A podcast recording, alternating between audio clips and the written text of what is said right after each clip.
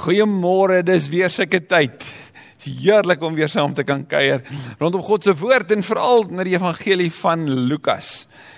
Die wêreld het weer intussen so verander en ons het van as Kersfamilie vanuit ons liefde vir die Here en daarom ons liefde vir sy mense besluit om vir 'n tyd lank nou vir die voorsiene toekoms net aanlyn met ons Bybelstudie ook besig te wees.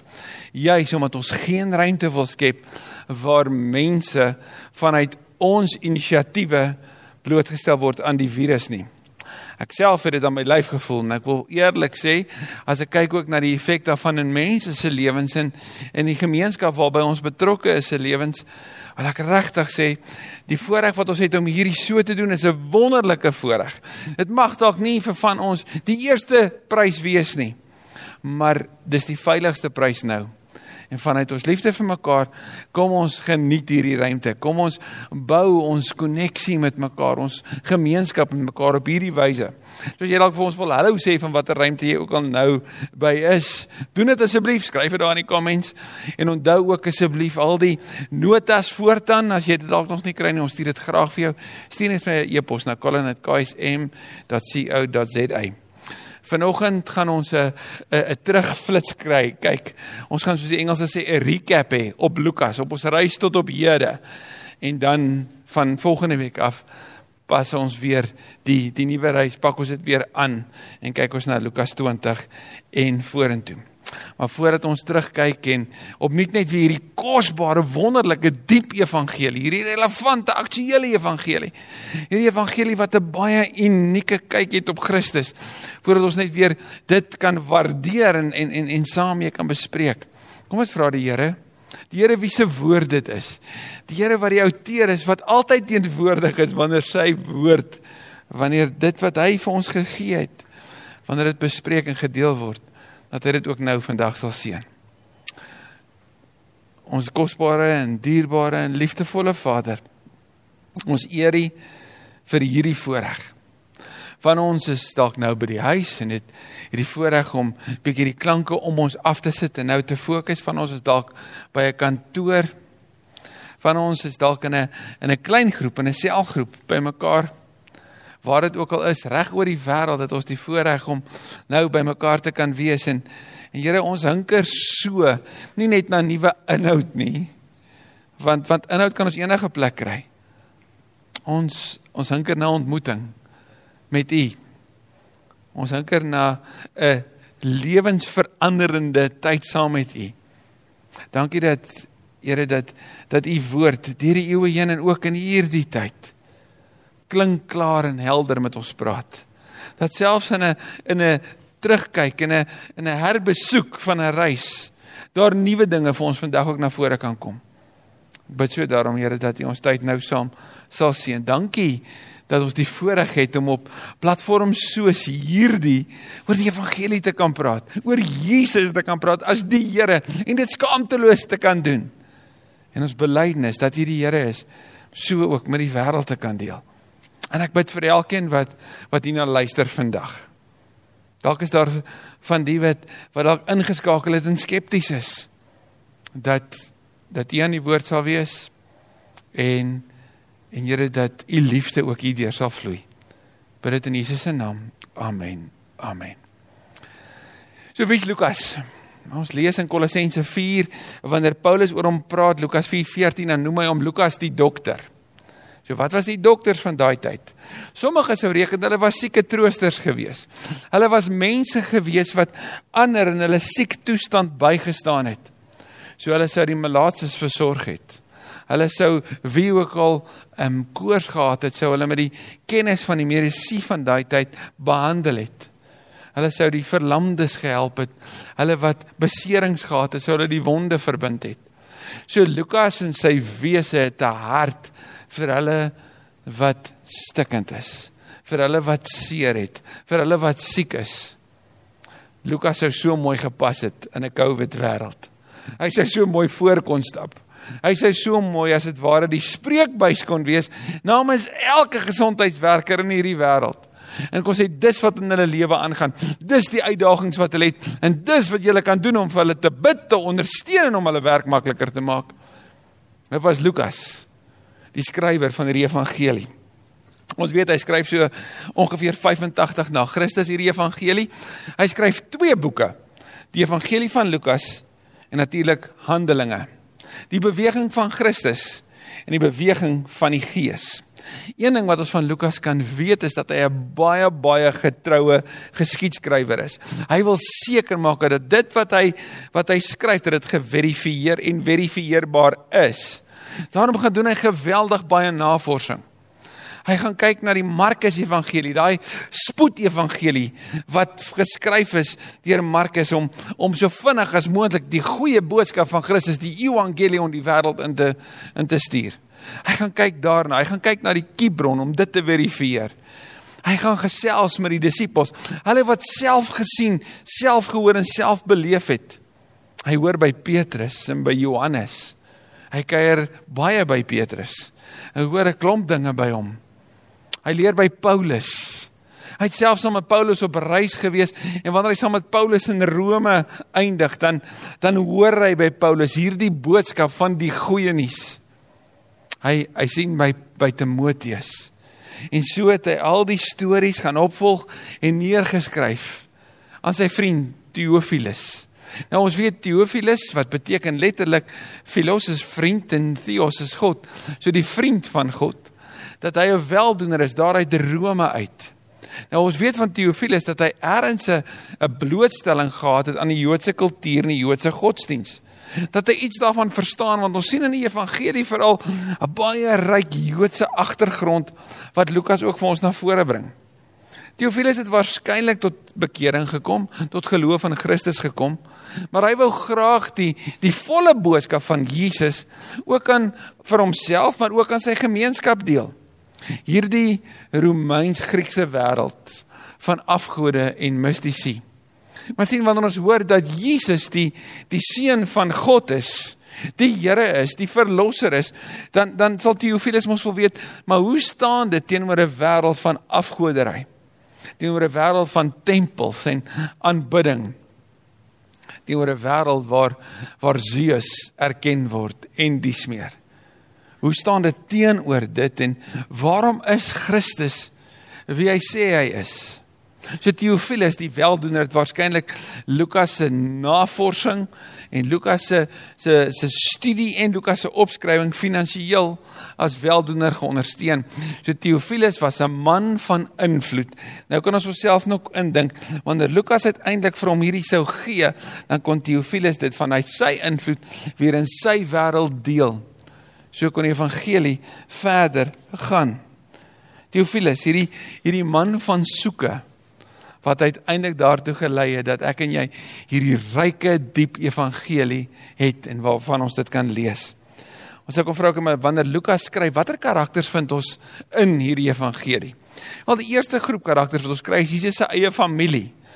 Lukas begin dadelik op 'n baie unieke manier deur te fokus op Elisabet en God se wonder wanneer hy vir hierdie vrou wat in 'n later fase van haar lewe is, hierdie kinderlose vrou wanneer die Here vir haar sê maar jy gaan swanger word. En en dit is so kosbaar dat wanneer sy 6 maande swanger is, dan dan kom sê die Here vir Maria, maar jy gaan swanger word. Hierdie nooi uit Nasaret, hierdie maagd En dan gaan Maria vanuit Nasaret op hierdie gevaarlike bergpas onmiddellik na Juda toe om haar by Elisabet te kan aansluit. En wanneer sy by Elisabet instap, dan beweeg Johannes hier van binne om weer te bevestig dat dit wat die Here vir vir Maria gesê dat dit waar is. En en hierdie groepering van Jesus se familie is is is hulle wat kom bevestig net weer vanuit hulle wêreld teenoor hulle mense dat die Messias gebore is. Maar Jesus word groot in Nasaret, daar in Galilea. Nasaret, hierdie hierdie dorp wat wat Lukas vir ons kom herinner ook, nê, nee, waar waar daar 'n teenkanting teen hom is. Hulle ontvang hom nie net nie. Hy word gebore en groot geword in die huis van 'n timmerman, 'n 'n skrynwerker. Iemand wat waarskynlik met klip gewerk het. Josef. En wanneer Jesus terugkeer na Nasaret toe om om te preek, dan ontvang hulle hom nie net met waardering en luister na sy preek nie. Nee, hy is mos Josef se seun. hulle wil hom uiteindelik by 'n krans afgooi. En loop hy van hulle af weg. So Jesus se eie mense sien ons sy sy familie bevestig dat wat God sê gebeur, maar sy mense wat saam met wie hy groot word is nie so oop teenoor hom nie. Dis nie asof die die goeie nuus hulle harte onmiddellik verander in die wêreld is maklik nie. Maar sien Jesus word groot in 'n Joodse wêreld. En hierdie Joodse wêreld bestaan uit fariseërs en skrifgeleerdes uit die familiehoofde wat wat hierdie godsdienst juis vanaf die tempel bestuur en beheer reg af tot onder. En hulle het 'n waardering en 'n verwagting dat die Messias sal kom. Hulle wag al vir 400 jaar dat hy sal kom. Maar wanneer hy sal kom, gaan hy die Jode beskerm en die Jode verhef en hy gaan uiteindelik die Jode se vyande omvergooi.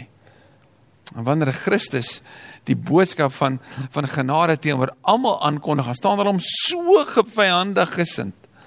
Hulle soek die heeltyd fout met hom. Maar die maar die gepepel, die eenvoudige Jode, hulle gryp sy wonders aan. En die Joodse gemeenskap en die Joodse karakters. Nou praat ek nie van die Fariseërs, die Sadduseërs, die skrifgeleerdes, die familiehoofde nie. Ek praat van die gewone Jode. Hulle stap by die hordes agter hom aan. Hulle luister na hom. Hulle is by die duisende bymekaar wanneer wanneer hy brood breek en hulle voed by 'n middagete. En en die stories van Jesus het van die begin af van Elisabet se wêreld af sien ons dat Elisabet se wonder bereik onmiddellik haar gemeenskap, Maria se wonder bereik onmiddellik die gemeenskap wanneer Christus se se prediking kom, dan is daar 'n onmiddellike reaksie. So Jesus se se bediening het hierdie baie vinnige golwe wat uit uit kantel en en die uiteindelik die die rande van die samelewing bereik. Want sien die die vierde groepering van mense wat rondom Jesus die karakters wat rondom Jesus vergader is hulle wat op die periferie is. Dis asof Lukas se fokus altyd op hulle daar ver is, die randfigure. Dink maar byvoorbeeld aan die siekes aan wie jy nie gevat het nie. Aan die melaatses by wie jy nou nooit sou kom nie. Hy flou vrou wat met bloedvloeiing gelei het. Hoeveel keer verwys Jesus nie na die Samaritane wat mense is by wie jy glad nie sou kom nie in 'n goeie sin. In 'n goeie lig uiteindelik kom wys dit dat hulle die mense is by wie jy kan gaan leer. Die krepeles. En ja, die vroue en kinders. Mense wat wat laer af was in die rangorde, is die mense tussen wie Jesus is. Nie net word hy groot tussen die laer af eenvoudige mense van Galilea en van Nasaret nie. Dis asof dit sy ruimte is waar tussen hy bly beweeg. Hy kuier by die tollenaars. Hy roep een van hulle as sy disipel. Hy verklaar vir Saggeus as 'n seun van Abraham en konstant.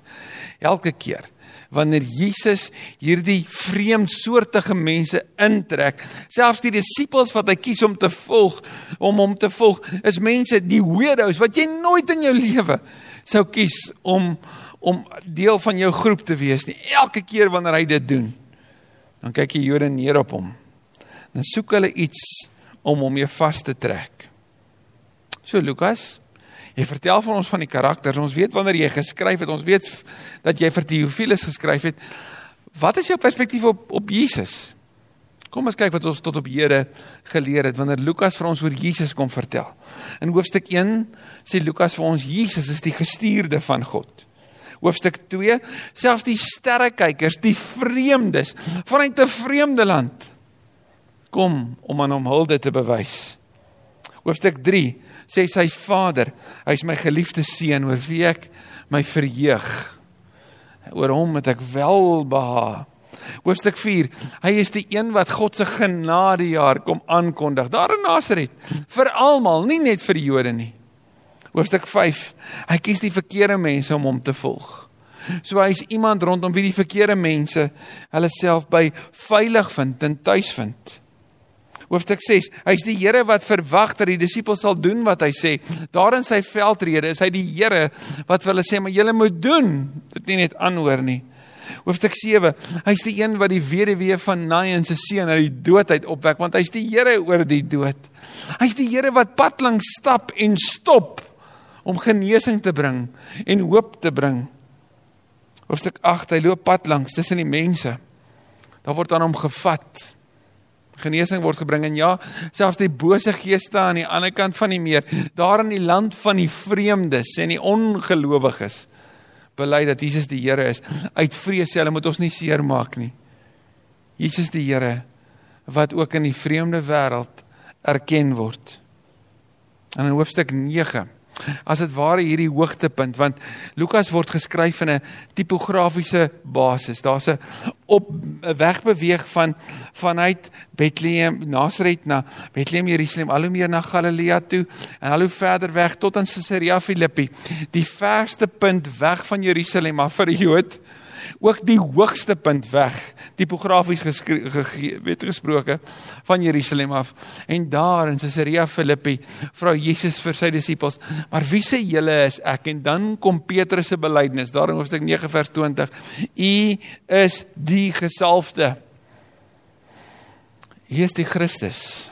Hier is die een wat gestuur moes word. Bees die woorde van lewe sal ons op ander plekke lees. En in plaas daarvan dat ons sou verwag het Jesus sê jy het dit Petrus sê hy vir hom bly stil. Hoekom? Want op daai stadium, op daai oomblik het Petrus nie verstaan wat hy sê nie. Want dan begin Jesus vir hulle verduidelik en hy doen dit 'n paar keer. Ek moet ly, ek moet gekruisig word en vanaf Caesarea Philippi begin Jesus se pad af terug Jerusalem toe. Doelbewus met 'n fokus op die kruis, met 'n fokus op wat hy kom doen het, stap hy terug en vertel hy die stories en deel hy die wyshede. Leer hy sy disippels vir die volgende klomp maande oor wat dit beteken om hom te volg, oor wat dit beteken om hierdie nuwe gemeenskap van God in 'n wêreld te wees wat sou voortgaan nadat hy hemel toe opgevaar het. Hy leer hulle wat gehoorsaamheid beteken wat omgee beteken en hy modelleer dit. Uiteindelik draai hy onder in die stad van van Palms daar in in Jerigo. En daar in die stad van Palms is dit vir Saggeus wat hy raak sien en sê vir hom ek moet vandag by jou tuis gaan. En wanneer sy gees en sy mense Christus ontvang dan sê die Here hierdie man is 'n kind van Abraham en van sy gees af klim Jesus die Olyfberg uit en aan die ander kant gaan hy na Betanië en Betfage toe. Daar sê hy vir sy disippels daar's 'n donkie wat julle moet gaan haal. Wanneer hulle die donkie bring en hy op die donkie klim, dan lê Jerusalem hier voor hom. En jy sien die groot indrukwekkende wit tempel. En hier op hierdie hoogtepunt en soos al die evangelies is dit as dit ware Lukas het doen baie meer moeite as die ander selfs is die beweging van Jesus se eerste 33 jaar van sy lewe baie vinnig. En dan hierdie laaste bitter belangrike week, die belangrikste week in die geskiedenis van die mensdom, word dit as dit ware stadiger. Gaan ons langsamerhand reis. Want sien op hierdie dag wat Jesus op die hingsvol van 'n donkie klim, is die skare om hom. Nie net het hulle sy genesings beleef nie.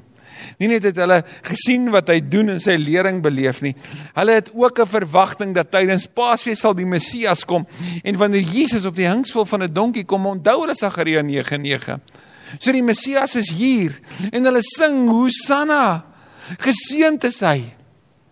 En terwyl hulle met blydskap lag en verwagting het, huil Jesus oor Jerusalem hierdie stad van vrede en die vredevors wat op 'n vredesdier na die stad van vrede kyk huil en sê Jerusalem Jerusalem hoe sou jy nie weet wat nodig is vir jou vrede nie?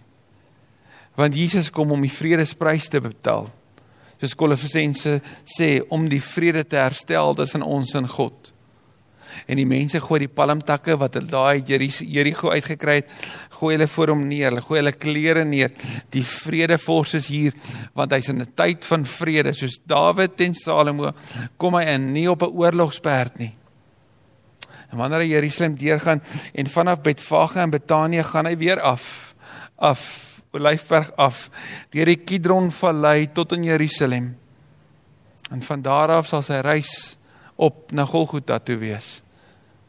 En wanneer op hierdie Palm Sondag wat ons later in die kerk dit uh, sou bekend wees as wanneer hy naby kom dan dan weet ons al die massas mense reg oor die ganse wêreld van daai tyd het vergader. Die pelgrims het gekom om hulle lammetjie te kies. Op hierdie dag, hierdie Palm Sondag het hulle lammetjie kom kies. En en hierdie lammetjie sou hulle huis toe neem en versorg vir daai paar dae. En hulle gaan hierdie lammetjie offer om namens hulle te betaal en hulle gaan die stories van die uittog vertel. Hulle gaan deel met mekaar. Hulle gaan die die bevrydingsmaaltyd gaan hulle eet. Hulle gaan vir mekaar vertel van God se Passover. Toe die toe die lammetjie geslag is sodat die engel van die dood kon Passover oor hulle wat aan die, die wat die bloed dan die deurkusyne van hulle lewe geverf het met die hiesoptakkie. Dis in hierdie tyd waar waar hierdie pelgrims bymekaar is om hulle lammetjie te kies om hulle offers te kom betaal, hulle belasting te kom betaal as dit ware in die tempel. Hierdie belangrikste week in die geskiedenis van die Joodse jaar in hulle in in in in in die Joodse kultuur ook waar die fariseërs, die skrifgeleerdes, die sadiseërs, waar die waar die familiehoofde waar almal aan hoof die Sanhedrin van die tempel hierdie hele bedryf moet bestuur, hierdie massas mense moet bestuur wat Jesus instap die vredevors, die lam van God. Asof God sê hierdie is my lam, wil julle hom nie aanvaar nie? En waartoe gaan hy tempel toe? En hy keer die tafel van die geldwisselaars om van hulle wat die geld van hierdie pelgrims wat met hulle mooiste opregte harte kom deelneem met in hierdie seremonie van van herstel en hulle daar uitbuit want hulle neem die geld uit 'n vreemde land en wissel dit vir 'n vir 'n Joodse geldeenheid wat dan in die in die in die offergawe kus gegooi moet word. Wat Jesus instap en sê hierdie tempel moes 'n plek van gebed gewees het. Wanneer God sy eie tempel vul met sy teenwoordigheid, is die eerste ding wat hy doen is om dit leeg te maak. En hy gooi die tafels om. En hy sê man, julle het dit 'n rowersnes gemaak. 'n Plek waar rowers die buit wat hulle van ander bymekaar maak, vergader. Ons op hierdie punt waar Lukas ons dan los in hoofstuk 19. So op hierdie punt waar ek en jy vir mekaar kan sê tussen nou en lydenstyd wat binnekort aanbreek, stap ons se pad reg deur op hierdie heilige week, stadig op pad na Sondag toe deur die kruis. Ek wil jou nooi om saam te reis. Ek wil jou nooi om om jou vriende, jou kennisse, jou kollegas wat saam bely dat Jesus die Here is om hulle in te nooi dat hulle saam kan reis. Kom ons stap stadig. Maar miskien nou meer as ooit of meer as in 'n baie lang tyd is ons harte oop omdat ons deel in die lyding van ons wêreld. Dat ons kan deel in die lyding van ons Here wat sê deur sy wonde daar vir ons genesing gekom. So kom ons stap saam met hierdie kosbare evangelie van Lukas. Wanneer hy vir ons vertel van die Messias wat sy lewe kom gee. Kom ons bid. Dankie Here dat ons net vandag so voelvlug terug kon kry op ons reis tot op Here. Dankie dat ook in hierdie dag u ons aandag en ons verbeelding kom aangryp oor die grootheid daarvan. Mag ons die chaos en die lawaai en die geklank, die opgewondenheid en die verwarring in daardie week regtig in ons harte laat laat posvat. Dat dit neerslag sal vind. Mag ons die teenstelling van die die lied van die een Sondag en die lied van die kruis. Die woorde wat sê kruisig hom teenoor die woorde wat sê Hosanna, hy's hier. Mag ons die teenstryd ligtigheid daarvan en die kreatiewe spanning ook daarvan mag ons dit aangryp dat dit ook ons eie lewe sal aangryp ons eie harte sal aangryp en ons opnuut neem Here na 'n plek toe waar ons sal kan sê waarlik hierdie man is die seun van God. Hy is die Here. Ons aanbid U in die naam bo alle name Jesus die Christus. Amen. Amen As jy gebed nodig het vandag, stuur asseblief 'n e-pos na gebed@ksm.co.za. Ons wil so graag saam met jou en vir jou vir jou mense bid. Mooi dag vir jou.